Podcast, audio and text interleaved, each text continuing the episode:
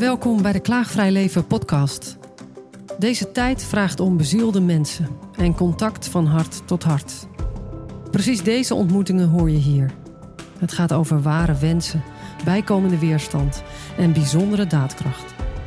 Mijn naam is Sandra Brandt en ik zou zeggen: ga er bewust voor zitten of ermee aan de wandel. Open je hart en laat je raken.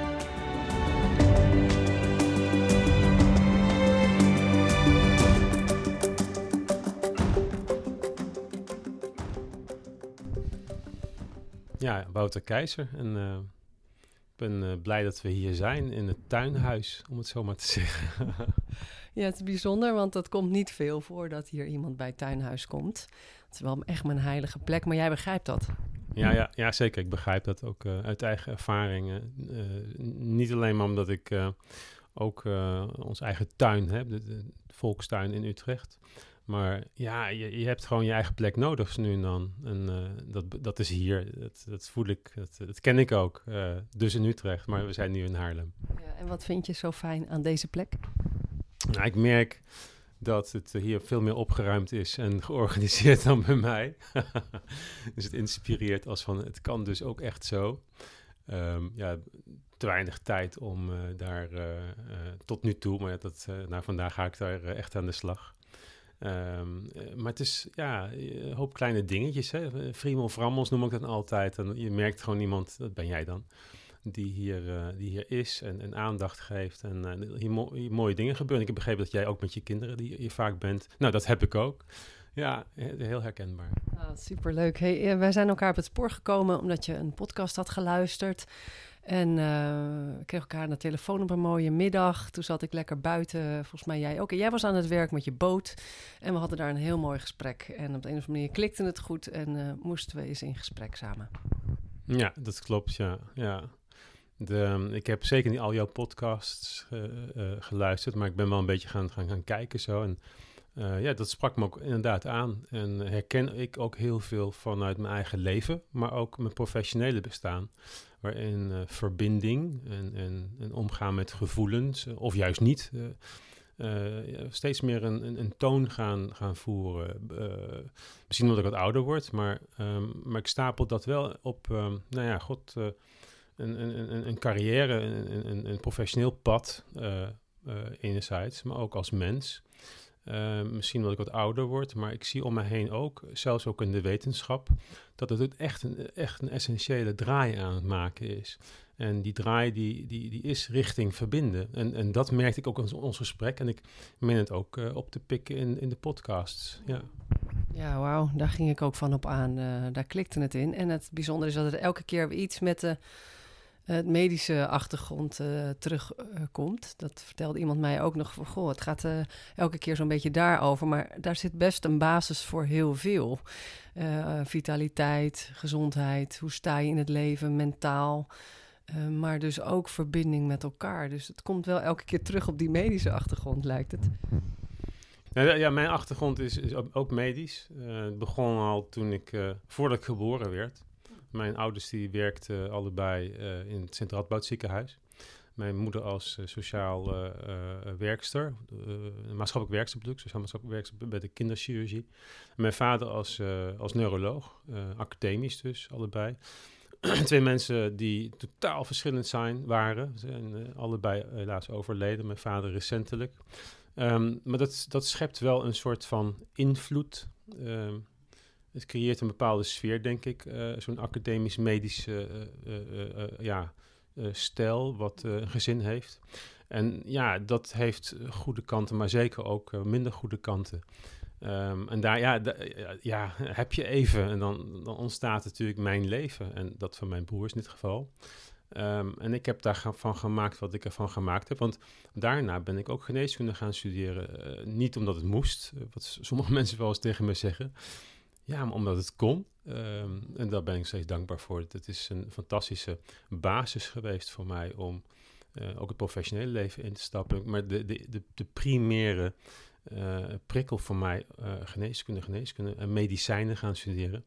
Ja, voor mij was het meer zo van, nou, weet je, dan weet je heel veel. Dus dat ga ik, dat ga ik eens doen.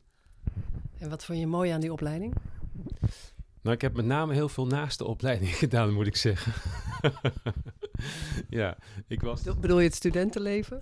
nou, ook, zeker. Maar ik was ook veel te vinden in het buitenland om stages te doen. En uh, dat heeft me veel in, in, Engeland gebracht, uh, al, al heel, heel vroeg in mijn studie. Uh, later ook in, in, in de tropen, maar tot en met de, de, Mayo Clinic in de Verenigde Staten. Ik twee jaar in Noord-Amerika gewoond en geleefd als ouderjaarsstudent om daar onderzoek te doen. Ja, ik wilde het allemaal um, innemen. dus ja, ook dat al studeren. Maar ook allerlei georganiseerd studentenleven, inderdaad. Ja. Wauw, dat is een heel rijke uh, tijd geweest. Ja, ik heb ook uh, zeer lang gestudeerd. Toen was het beviel je zo goed. ja, toen was het nog dat uh, met de studiefinanciering heel ruim was. Um, dat je als je iets naast je studie deed, dan kreeg je daar compensatie voor. Nou, ik denk dat ik daar ruimschoots van, van genoten heb, maar ook wel niet alleen maar door biertjes te drinken, moet ik heel eerlijk zeggen. Dat deed ik natuurlijk ook. Maar vooral ook om, om ja, dingen. Ja, ja, ik was elk, continu op avontuur in, in, in, in, in, in zorgland, nationaal en internationaal. Ja, en je bent goed geslaagd met die opleiding? Uh, ik, ik ben afgezet als, als, als, als, als, als, uh, als medicus, als arts. Ik heb daarna uh, een tijd lang gewerkt wel. Ik wilde thoraxchirurg worden. Vandaar ik was, was ik ook in de Mayo Clinic. Dat is dan zo'n hele bekende kliniek wereldwijd in Amerika top of zoiets. Nou, dat was, dat was voor mij met thuiskomen, coachschappen doen, afstuderen. Ook weer zoiets van, maar wacht even, wil, wil ik dit wel? En toen, ja, is eigenlijk mijn professionele pad begonnen. Want toen heb ik niet lang daarna, een aantal jaar nog wel in de huisartsgeneeskunde gewerkt, um, besloten om, om geen praktiserende dokter meer te zijn. En je zegt, en daar is mijn professionele leven begonnen. Dus toen het stopte als dokter. Ja, eigenlijk wel. Dat klopt. Interessant. Dan ben ik benieuwd wat er gebeurd is. Nou ja, ik, ik, ik wilde niet die ladder op. Uh, misschien had ik daar al veel te veel van meegekregen, denk ik. Um, om de ladder van het specialiseren, et cetera. Uh, ik, ik, ik had ik, tijdens mijn kooschappen ook hele duidelijke ervaringen die mij zeiden van wacht even, um, wil je dit wel? De hiërarchie, om het zo maar te zeggen. Ik heb altijd gedacht van, nou, dat, heb ik, dat heb ik van mijn uh, moeder. Mijn moeder was ook wel redelijk recalcitrant. Dat maakte haar een prachtig mens. Dat, ik was niet de enige die dat vond en vindt. um, maar het andere, het academisch, ook weer van mijn vader. En dus, dus, een, dus een mix die denk misschien meer, dat stukje meer naar mijn moeder is doorgeslagen, waardoor ik na mijn, mijn uh, afstuderen, als, als mijn artsexamen, al snel daarna uh, ja, besloot van, nee, ik ga juist daar iets mee doen. Ik ga juist daar iets mee doen waar ik zo ja, tegen, tegenaan loop in de praktijk van de zorg. En dat gaat met name over de hiërarchie dan?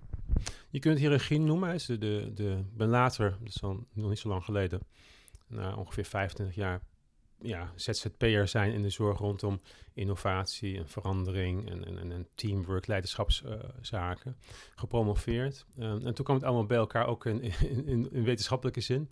Twee jaar geleden ben ik gepromoveerd aan de Universiteit uh, Twente. Um, ja, de cultuur in de zorg, zeggen ze wel eens, hè? De, um, uh, de hiërarchie, het conservatieve. Um, je kunt allerlei namen geven, maar we weten al heel lang dat de zorg een van de oudste beroepen, professie, uh, ja, uh, professies is. Um, waarbij de, ja, het, wat ze wel eens noemen in organisatiekunde, de onderkant van de ijsberg, waar alle normen en de ongeschreven regels zitten, enorm groot is. En uh, ik denk dat ik dat al heel, heel, heb, heel vroeg heb gezien en gevoeld. En ook het effect daarvan heb, heb, heb um, ja, bovenmatig heb gevoeld, om het zo maar te zeggen. En ik heb mijn werk ook van gemaakt om daar te helpen verandering in te brengen. Dat is mijn 25 jaar uh, ja, jubileum uh, tot nu toe. Ik, ik, ben nu 25 jaar aan de slag om daar verandering in te brengen. En wil je dat iets meer uitleggen over de normen en waar je dan verandering in hebt te brengen? Ja, verandering doe ik niet. Hè. Dat, dat doe je met elkaar. Um, sinds Hippocrates, Hippocrates van Kos, een, een of andere Griek op een eiland. Kos kennen we van, uh, van de vakanties natuurlijk. Maar daar heeft hij dus gewoond. Dat kun je ook zien als je daar bent. Uh, hij heeft ook elders gewoond. Dus dat was e-, ook de eerste dokter in onze westerse geneeskunde. Um, ik zeg westers omdat de oosterse geneeskunde is een hele andere tak van sport. Maar goed, ik ben opgeleid in het westerse. Um, en zoveel. ehm, die, dat is 3000 jaar geleden ongeveer. En in die tijd um, uh, van 3000 jaar is er ook helemaal niet zoveel veranderd. Als je de eet van Hippocrates uh, bekijkt, waar veel dokters uh, ja, vanuit gaan, en dat is denk ik ook heel goed, staan er fantastische dingen in. Maar als je kijkt naar de, um, de, de manier waarop we met elkaar omgaan en de manier waarop gekeken wordt naar naar, naar zorg, dan zit er ook een hele conservatieve, niet veranderlijke manier. En dat is nu aan het, ja, toch aan het ombuigen. Nou, 25 jaar geleden toen ik begon, nou, daar moest je er niet over beginnen. Het, uh, het was echt wel pionieren voor mij en een paar anderen. In die 25 jaar zie je dat er heel veel goede dingen gebeuren, maar helaas ook lastige dingen. En een van de lastige dingen is dat je ook ziet dat veel mensen erop afknappen. Dat veel mensen ja, in de afgelopen jaar steeds meer ook naar mij toe komen van... Goh, joh, jij hebt toen, toen al die, die keuze gemaakt. Het zint mij ook niet zo. Uh, kunnen we het eens over hebben? Um, Dat is lastig, want er zijn uh, heel veel mensen die met hele goede intenties... Elk, iedereen uh, de zorg instappen, dokter worden... maar vastlopen in bepaalde zaken. En één daarvan is de is de inertie. Ik heb het niet over het zorgstelsel, maar de manier waarop mensen geleerd uh, wordt, leren en ook blijven omarmen om met elkaar om te gaan in die hiërarchische uh, cultuur, structuur van, van dokters. Dat, geen enkele dokter die gaat geneeskunde studeren om dat maar eens lekker te gaan doen, want het heeft absoluut zijn voordeel, het heeft zijn functie om, om ja, conservatief te zijn. En niet maar eens vandaag de roze pil te nemen, want gisteren deden we de blauwe, zag ik altijd maar van we doen maar eens wat. Nee, dat, dat is echt belangrijk om heel conscientieus te zijn. Maar um, er zit zeker ook een negatieve kant aan die, die hiërarchie. En wil jij voorbeelden uit de praktijk geven waarbij mensen die misschien niet uit die medische wereld komen, snappen van, oh ja, dat herken ik vanuit mij als patiënt of vanuit mij als cliënt? Ja, kijk, in ons voorgesprek kwam het al naar voren. Toen hadden we het over um, uh, een van onze partners, die, of experts moet ik zeggen. uh, als zijnde iemand die heel, ja, die luistert naar dokters. En dat doen heel veel mensen nog steeds. Ik heb, het, het is ook niet iets dat het alleen maar in de wereld van dokters is. Um, wij als patiënten, hè, het woord patiënt uit Latijn is ook de wachtende. Wij zijn wij zijn allemaal wachtende. We gaan allemaal in een wachtkamer zitten. Dat zie je nergens in geen enkele industrie, anders dan de industrie, zeg ik eventjes uh, expres, als die, die rondom dokters. Wij zien die dokter als geweldig daarbovenin zitten. En toen ik 25 jaar uh, geleden uh, besloot van ja, ik wil alles, maar dit niet, was er niet voor mij een soort van pad of een opleiding. Maar was er wel een ander ding, namelijk het internet. Dat was net, dat was net twee jaar daarvoor uh, ja, ehm, eh, beschikbaar gesteld voor, voor, voor het publiek, voor het volk. Nou, en dat heeft natuurlijk wel wat, wat gedaan als het gaat over informatie en informatie bij mensen krijgen. En dat is voor mij ook de eerste golf, hè, dus wat ze toen noemden patient empowerment. En dat, is, dat kunnen we ons niet meer voorstellen. Mijn, mijn, kinderen en, en, de, en de jou, die weten niet een wereld zonder telefoons, mobiele telefoons. En jij misschien, iets ouder dan jij. um, Maar dat, er is een tijd geweest dat mensen echt verstoken waren van informatie. Nu kun je zelfs sinds, sinds twee jaar met uh, chat GTP, met AI, kun je gewoon vragen stellen die, die zelfs beter zijn als qua antwoord. Uh, antwoorden gegeven worden door een computer, vaak beter dan een dokter. Nou, dat is natuurlijk al enorm he heftig. Um, laat staan dat, en dat is eigenlijk waar ik de afgelopen jaren steeds meer van overtuigd ben, van dat is de volgende stap Um, die kennis is één ding, maar uh, wat blijft er dan over wat een computer niet kan? Ik maak wel een grote stap nu. Dat is het voelen en het verbinden. En de helende werking die daarin zit, waar we ook wetenschappelijk steeds meer van vinden en zien en, en bewezen krijgen, dat dat een, een, essentieel onderdeel is van de zorg, maar wat eigenlijk heel erg weinig aandacht kreeg. Wist ik 25 jaar, 25 jaar geleden ook niet. Maar ik denk dat ik intuïtief daar wel een soort van neiging naar had. Ik moet even denken aan de tijd dat ik mijn pols had gebroken bij een, uh, een snowboardactie uh, indoorbaan hier. En dat ik op de eerste hulp lag en dat die intractie uh, eventjes getrokken moest worden. En dat er een verpleegkundige bij me stond die totaal niet in contact was met mij. En alleen maar met het apparaat aan het kijken was hoe het werkte, want dit was een nieuw apparaat voor haar. En ik vertrouwde het niet om mijn pols even leuk los te laten. Die lag compleet uit elkaar.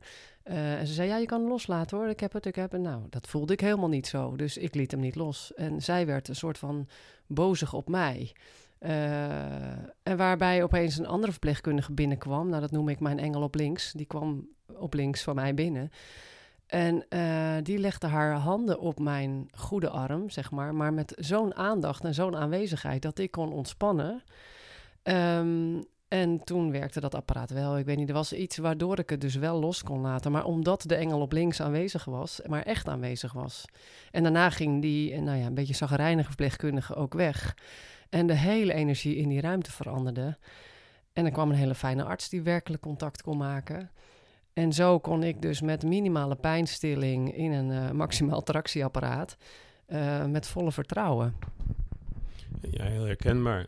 maar ik wil wel eventjes een lans breken voor al die mensen die door hoe dingen nu gaan, uh, ja, loslaten als het gaat om verbinding. Ik, ik, denk dat als we nu 50 jaar terugkijken, dat er misschien wel de meeste dokters of verpleegkundigen juist wel zo waren in die verbinding, omdat er gewoon veel meer tijd was. En dat was ook tijd namen, dat, dat, dat dat ook weer een beetje meer de norm was. Maar nu met alle technologie, en die is fantastisch. Maar vooral ook de snelheid en de druk en administratieve processen en, en de regelgeving rondom zorg, mensen die die zorg verlenen. Maar ook niet, niet, ook niet ja, nagelaten te hebben over de, de, de zorgvraag die in discrepantie uh, komt met uh, het aanbod dat we kunnen leveren. Ja, dat is een enorm stressvol. Dat is, dat is um, ja, eh, dat is waar de kranten vol van staan, waar vandaag uh, uh, de dag in, in Politiek Den Haag ook steeds meer over wordt gesproken. Maar wat is nou de oplossing? Kijk, um, ik weet hem niet, maar ik zie wel heel veel snakkende professionals. En dat, daar staan de kranten ook vol van. De mate waarin mensen burnt-out raken, de mate waarin mensen het niet meer leuk vinden in de zorg als zorgprofessional dat is, uh, dat is stijgende en dat is, dat is een zorg. En jij bent gepromoveerd waarop? Ik ben gepromoveerd op elk het thema transformatie en de rol van dokters. Maar de rol van dokters kun je ook wel vervangen, ja, de rol van de zorgverleners. En transformatie is weer een erg sexy woord. Uh, um, twee jaar geleden ben ik uh, gepromoveerd. Um, ja, op, op nogmaals de rol van dokters in hun, in hun ja, leiderschap. Dat is ook weer zo'n zo'n zo'n beladen term. In tijden van transformatie, van grote, diepe verandering. En eigenlijk de verandering die nu gaande is of zou moeten. En, en hoe zij die rol uh, pakken en hoe die rol dus is. En dat is mijn, mijn ding. En daar heb ik opgeschreven op basis van onderzoek, uh, wetenschappelijk onderzoek. Um, uh, enerzijds door vanuit uh, onderzoek, onderzoeken met, met groepen onderzoekers in dit geval, niet alleen maar me, myself en I natuurlijk, om te kijken van ja, maar wat zijn dan de essentiële competenties van zo'n dokter anno nu en straks? Wat hebben we nodig? Um, ook, maar ook onderzoek van ja, hoe, hoe, hoe, moet je het dan doen? Hoe, hoe krijg je grotere groepen dokters zover? En dat is, een, dat is ook een onderdeel van mijn werk. Dat zit al in de opleiding geneeskunde. Kijk, dat is een mooie vraag. Je lacht er ook bij. Nee. je ziet dat um, uh, in de afgelopen uh, tien jaar ongeveer is het thema medisch leiderschap internationaal uh, opgekomen. Um, in die periode heb je ook 100 miljoen coaches, die, ik zeg het altijd een beetje schertsend, ja, gisteren nog bij de KPMG en bij, bij Albert Heijn coachten. En die doken ineens op de, op de medici dokters die wilden ook iets met uh, coaching en leiderschap. Ik vind daar wat van. Jij vraagt, is het, zit het in de opleiding? De opleiding is binnen de hele uh, medische uh, wereld nog het meest conservatief. Dus ook de innovatie die je ziet nu bij sommige innov innovatiemensen, en dokters die innoveren, verpleegkundigen en managers die innoveren in de zorg, dat zie je pas heel laat terug in die opleiding. Dat is jammer, uh, er wordt wel... loopt de opleiding eigenlijk een beetje achter de feiten aan dan? Uh, uh, ja, historisch wel. Dit is niet iets wat ik vind, maar dat zie je ook in de wetenschap.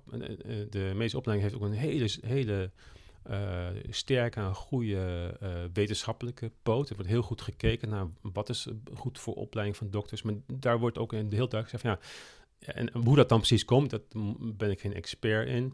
Maar men zegt ook wel van ja, mensen die medische opleiding doen, dat zijn ook ja, niet altijd de meest innovatieve mensen.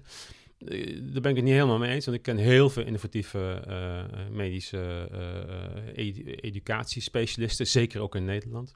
Maar er zit wel een dingetje. Ja. Hey, en dus waar zit het hem dan wel in, de verandering? Van? Welke? Nou, als, als het niet in de opleiding eh, lukt. Uh, in het hier en nu. Ja. En hoe doe jij dat? Vertel iets uit je praktijk. Um, kijk, om toch even te, naar die medische opleiding. Ja, kijk, een opleiding is heel belangrijk. Hè? Daar, daar, daar creëer je een soort professional mee. En dat is de fun fundamentele basis uh, om goede dokters te maken. Ik zeg het even heel plat. Hè? Uh, goede dokters die hebben een bepaalde bagage en die moeten bepaalde dingen leren en die worden ook geleerd. Dat is fantastisch.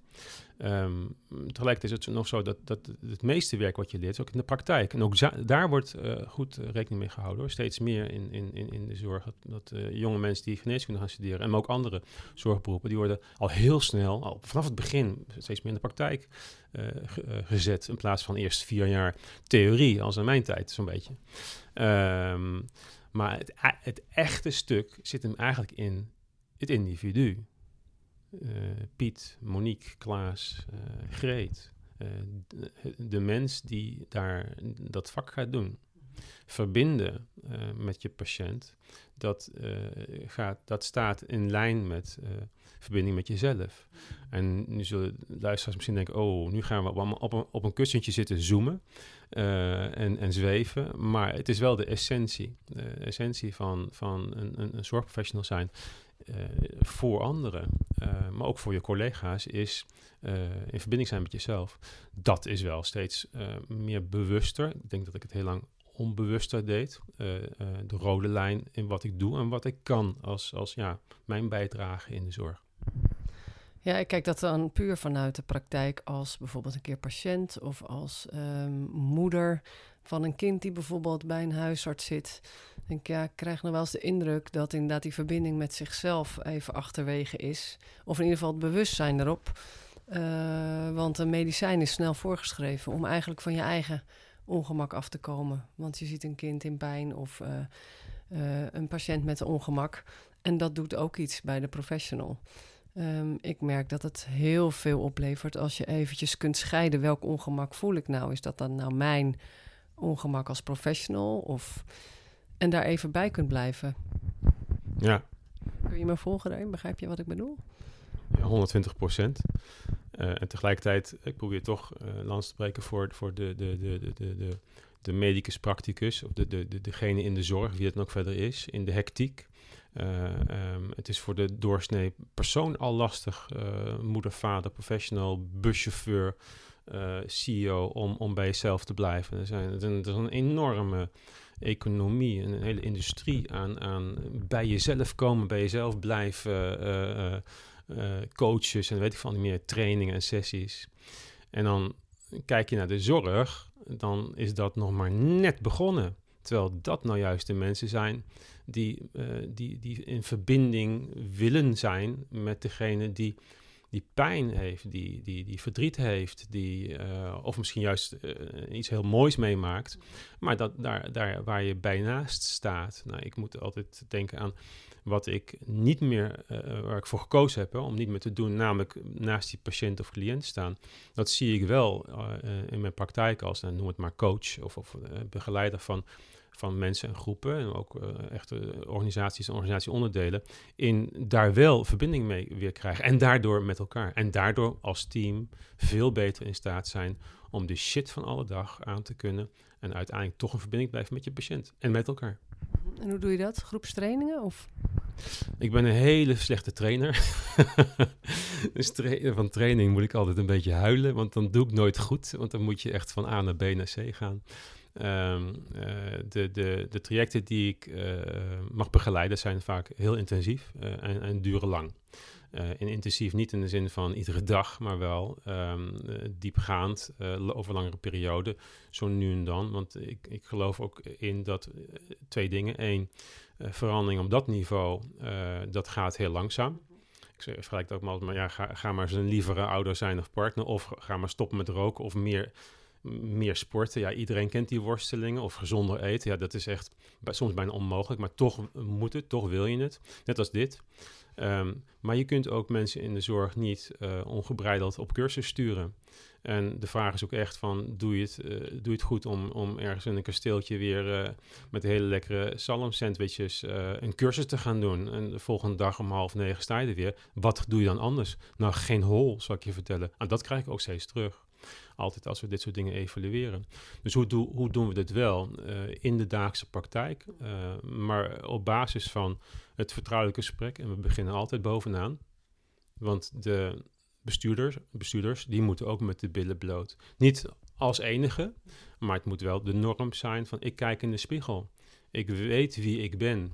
En daar hebben we onze, uh, ja, ons instrumentarium voor. En, en dat helpt goed. En ik zou ook allemaal weer ja, van die open deuren misschien, maar de doos met tissue staat, uh, op, staat niet voor niets op tafel. Want die confrontatie met jezelf, en iedereen kent dat wel, eh, dat is iemand anders dan de professie die je hebt geleerd. En zeker voor dokters, zo'n intensief eindverantwoordelijk beroep. Vaak ook eindverantwoordelijk van grote teams. En het gaat vaak over leven en dood, in ieder geval. Uh, hele essentiële zaken uh, bij andere mensen. Ja, dat is ook maar een stuk van wie je bent. Dat andere, wie je echt bent, in, in beginsel, wat ook heel veel invloed heeft op hoe je dan doet als professional, hoe je die kennis en die positie en die, dat stukje professionele ego, zeg maar, neerzet, dat is eh, helaas eh, ja, komt het in de verdrukking. Hoe mooi als dat wel van alle lagen dan ook gewenst is dat daarin een interventie plaatsvindt. Het is fantastisch als, als, als binnen een organisatie uh, de, de, de, de eindigheid zeg maar, van, van het kunnen, en dat is voor dokters best lastig om te, uh, weet ik ook uit ervaring, om te zeggen van ja, ik weet het niet of ik kan het niet. Om te zeggen van wauw, wij moeten dit anders doen. En ik heb een aantal hele mooie voorbeelden uh, mogen ervaren waar dat dan heel goed ging. Maar ik weet ook steeds meer, na 25 jaar mijn kop stoten, uh, vaak niet in mijn eentje, ook, maar ook met anderen tegelijk, hè, van ja, hoe, wat dan de randvoorwaarden zijn waarmee je het echt moet doen. En als je die niet invult, dat het dan niet gaat. En de randvoorwaarden als in? Ja, je kunt wel zeggen van we gaan uh, helemaal aan onszelf werken en ja zeggen en nee doen, wat heel makkelijk is in het leven. Uh, noem maar die voorbeelden van stoppen met roken, gezonder eten en, minder ruzie maken. Tuinhuis opruimen. Dankjewel. ja, ja dus, daar, daar zit wel een, een, een, een discrepantie. Uh, het wel willen, ja zeggen, maar nee doen. Nou, ik zie opeens ook een, een koppeling met dat het net zo goed als voor jou en ook voor mij, die ook met teamsessies soms werkt uh, te maken heeft met dat je ook naar jezelf kijkt en dat je ook aanwezig blijft in jezelf. Inderdaad, niet de trainer bent. Um, en ook realiseert dat je zelf ook soms moeite hebt om ja te zeggen en ja te doen. Kijk, ik word gevraagd um, uh, op basis van vertrouwen. Ik heb geen website, uh, ik heb een naam en ik heb een hoop kennis en ben wie ik ben. En de, de basis is verbinding. Uh, ik moet echt een heel goed gevoel hebben bij de, bij de bestuurder of eindverantwoordelijke van een, van een organisatie. Als ik, als dat, en dat heb ik ook geleerd, moeten leren. Ik heb het ook vaak gedaan, dat ook achteraf dacht, ja, ik had geen goed gevoel. Jij gaat dit niet doen. Je zegt dat ik, het, dat ik dit moet gaan doen, dan ga ik het doen. Maar we gaan er niet komen, omdat jij niet wil, echt. Je zegt ja, maar je doet nee. En dan kun je net, ja, zo, je bent toch maar die externe. Dat enerzijds ook wel uh, een voordeel heeft. Want ik ben, ja, ik heb ook nooit een contract. Ik heb nergens een contract waar staat van mijn handtekening onder dat ik dit ga doen. Waarom? Omdat ik het ook tegen mensen kan zeggen van luister, ik heb geen, ik, als het, als het mij, niet bevalt, dan ga ik weg. ik heb, maar ik heb duizend procent vertrouwelijkheid met jou. En, dat, en dan ontstaat er een basis. En dan komt er een hoop shit op tafel. En ja, als ik het helemaal op afstandje bekijk, zie ik mezelf als, als een bliksemafleider van die shit die een organisatie is. Maar ook van, als een soort van, ja, uh, vuurtoren. Want ja, ik wordt van mij wel verwacht van, ja, maar waar moet het dan naartoe? En dan die vuurtoren, die wijst met die straal naar die shit. Maar niet dat iemand de schuld heeft. Niet dat iemand uh, uh, het moet oplossen. Want dat doen we continu, elkaar de schuld wijzen en, ja, of andere dysfunctionele zaken. En dan, dan gaan we beginnen. En dat is iets wat eh, veel energie kost, maar super dankbaar is. En, en uit de eigen ervaring weet ik ook hoe ongelooflijk groot effect dat kan hebben als je dat een jarenlang Tenminste, ik heb dat bij één organisatie jarenlang mogen doen. Elke eerste maandag van de maand kwam ik daar langs. Vier jaar lang. En het ziekteverzuim ging drastisch omlaag. En wat ik daar deed, was eigenlijk echt contact maken en helpen dat mensen echt contact met zichzelf maakten. En niet meeklagen over die of dat of iets buiten zichzelf, maar altijd helpen meevoelen wat zegt het mij. En mensen gingen daarvan uit hun eigen gezondere keuzes maken en opvolgen. Omdat ik daar als een soort rode draad bleef terugkomen. Met aandacht op gezond werken was het destijds. Maar eigenlijk die verbinding met zichzelf maken onder het eerste laagje.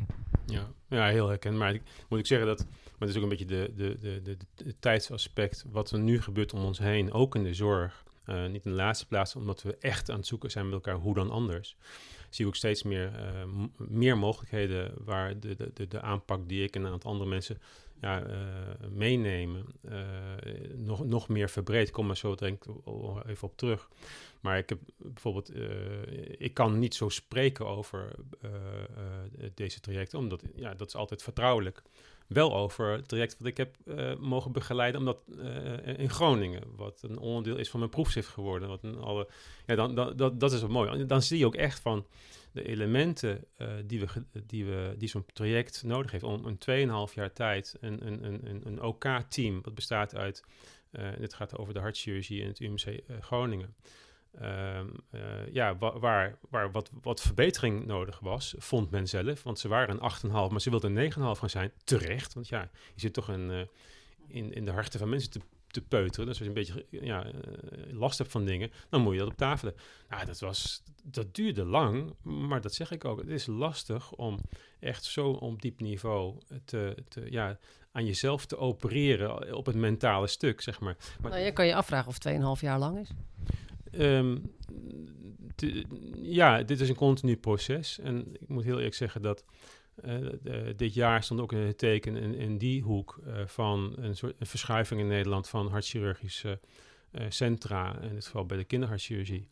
Um, waarbij het UMC Groningen een van de twee centra gaat zijn. Ja, ik ben trots op het feit dat ik kan zeggen van ja, we hebben daar wel iets neergezet wat een mooie landing kan gaan zijn voor, voor die beweging. Wauw, het is super dierbaar en dankbaar. Dierbaar en dankbaar. Maar in ieder geval een heel mooi proces wat jij hebt mogen begeleiden met zo'n effect. Niet dat jij degene bent die inderdaad de verandering veroorzaakt, maar wel mede hebt uh, begeleid. Is toch bijzonder? Ja, en, en dat, dat maakt dit werk ook wel uh, uh, bijzonder, omdat je eigenlijk de emotie van de zorgprofessional een beetje meemaakt. want je, je zit heel dicht bij mensen. Uh, het vertrouwen wat je krijgt, wat je ook moet verdienen en moet behouden, um, dat maakt dat, je, dat er dingen naar voren komen die, die bijna net zo ja, uh, roerend kunnen zijn als wanneer je in de spreekkamer zit als medisch specialist of, of, als huisarts. Ja, bijzonder. Ik moet denken aan mijn eigen tijd op de intensive care waar ik werkte. Daar was voor mij het klimaat niet veilig genoeg om mij te openen, om te zeggen waar ik moeite mee had als mede-collega. Uh, daarnaast had ik een uh, dikke innerlijke criticus die zoiets had van... nou, hou je maar koest, niet zo zeuren. En um, je bent nog in opleiding, of toen ik net klaar was in opleiding... en IC-verpleegkundige was weer het stemmetje in mijn hoofd... je bent nog maar net IC-verpleegkundige. Oftewel, ik heb gewoon heel veel op zitten potten waar ik tegenaan liep. En eigenlijk terecht waar ik tegenaan liep, wat ik niet oké vond. Maar daardoor kon ik daar niet meer werken. Dat was eigenlijk super erg. Ja, en, en, zo zijn er heel veel mensen die rondlopen. En met alle respect, uh, het heeft ook een beetje te maken met wie jij bent. Wie jij ook. Jouw verhaal, wat je nu deelt, dat zegt ook iets over jou en hoe jij met die dingen omgaat. En um, uh, wat ik meemaak, uh, ook lerenderwijs steeds. en dan kom ik wel bij dat, dat stukje wat ik net noemde. de, de, de, mensen komen in hun vak met al hun shit uit het verleden. En niemand maakt geen shit mee. Um, uh, maar hoe, deel je daarmee? Hoe heb je geleerd om daarmee te dealen? Dat is best lastig. En steeds meer staan we ervoor open om daar iets mee te doen. Dat is helemaal, het is helemaal, niet meer raar, helemaal niet meer raar om over gevoelens te praten tegenwoordig. We hebben allerlei tijdschriften, beginnen met happiness en flow. En ja, je, je wordt er soms kotsmisselijk van. Maar het is wel uh, ook wel een hele mooie, mooie beweging. Ja, wat dat betreft is er wel een betere basis voor, je, voor ons werk nu om te doen. Want de, de basis is, was 25 jaar geleden nog niet zo. Ja, als ons werk is mensen begeleiden in dat, in dat stukje. Hè, in, in, in die softe kant, die ook de hardste kant is als het gaat om organisaties en werken en samenwerken en uh, professionaliseren. Nou, in dit geval, in mijn geval, in ons geval, volgens mij ook bij jou voor een deel in de zorg dan, dan, ja, dan is, zijn er andere tijden aan het aanbreken. Maar het gaat nog verder. Ik zie ook, een, een, een, dat is voor mij nog een beetje zoeken van hoe integreer ik dit. Er zijn een aantal collega's, eh, die jij ook wel spreekt in de podcast, uh, maar, maar vele meer, die, die experimenteren met van hoe kunnen we nou zorgen dat dat stukje versnellen? Hoe kunnen we nou ervoor zorgen dat die, dat stuk zelfkennis echt een verdieping krijgt? Want ja, kijk, ik zou je vertellen, ik heb ook mijn psychologen gehad in mijn leven en, en, en, en, en, en dat stuk maar ja, als het even in een middagje had gekund, dat kan natuurlijk nooit. dat, zou, dat zou toch prachtig zijn. En, um, en de zorg heeft het ook nodig. Dus je ziet dat er um, op hoog niveau, zelfs op Europees niveau, ook wetgeving uh, vrij aan het komen is rondom het opnieuw ontdekken van psychedelica bijvoorbeeld. Um, om mensen te helpen om dat stukje onderbewuste, wat zo bepalend is en hoe je je voelt, hoe je je verhoudt, hoe je reageert in de dagelijkse dag, ook op OK, ook in de spreekkamer, ook met een, verple verpleging of dokter die, die niet zo'n goede dag heeft. Nou, als je weet waar het vandaan komt, ja, dan, dan, dan, dan dat, is, dat is de kern van verandering. Ja, ik zie daar uh, elke keer zo'n beeld voor ogen dat we in een soort padstelling soms lijkt te zitten met een ontzettende uh, overprikkelde maatschappij en uh, druk, druk, druk. En je hebt gewoon die rust nodig en minimaal die 2,5 jaar en niet een middagje om uh, dieper te kunnen landen en te kunnen kijken. Daarin heb je ook zelf keuzes te maken om s'avonds, zoals ik heel bewust vanaf 7 uur, 8 uur geen intense gesprekken meer doe en echt kan voelen wanneer komt de slaaptrein aan en heb ik naar bed te gaan. Ja, dat zegt nogal wat over hoe je de dag erna weer staat. Uh, maar je slaapt pas goed als je overdag niet zo in de, in de stressstand staat. Uh, dat, is, dat lijkt een enorme padstelling. Nou, nou werk ik ook voor een slaaponderzoekscentrum. Dus ik kom ook mensen tegen die uh, behoorlijk in de stressstand staan en daardoor niet goed slapen. Um, en daarnaast hoor ik ook een ongelooflijke positieve kentering wat jij ook vertelt, dat de basis al beter is. Dat we, bedoel, wie werkt er tegenwoordig niet aan trauma's uh, uit het verleden? Dat is ook weer hip bijna. Uh, psychedelica hoor ik vaak, niet dat ik daar per definitie voor ben, maar wel voor het kijken naar wat speelt eronder, wat voel ik. Uh, dus de wens is er lijkt een soort tegenkracht in positieve zin. En als we ons willen onderscheiden van de robotisering, dan hebben we terug naar het hart en naar het gevoel te gaan. Dus hoe soft is het nog, het hard werken met een T? Uh, en hoe belangrijk en hoe mooi is het. We gaan er gewoon allemaal van aan. Er zit ook een enorme schoonheid in. Wat jij ook merkt als jij dat vertrouwen hebt gekregen bij bestuurders. Er komen dingen op tafel waardoor er ook weer werkelijke verbinding voelbaar is. Zowel met jou, uh, maar ook je ziet dat mensen verbinding gaan krijgen met zichzelf. Ik vind dat altijd zo'n mooie beweging. Ja, ja, ik, uh, de dingen die je zegt, die, die, die noden eigenlijk om elkaar nog een keer, nog een keer, nog een keer te spreken. Um, maar ik pik er een paar dingen uit. Uh, je noemt trauma. De new kid on the block als het gaat om uh, hip and happening. Trauma, ja, ja zeker. Uh, noem het trauma of onverwerkte gevoelens. of ervaringen in het verleden die bepalend zijn, wat ik net al zei, in, in houding en gedrag. En als we daar niet um, van uitgaan, dus, dat noemen ze ook weer trauma-informed. Het is, laten we gewoon de dingen bij zijn naam noemen in de zorg is hard werken met een D gewoon ook lekker.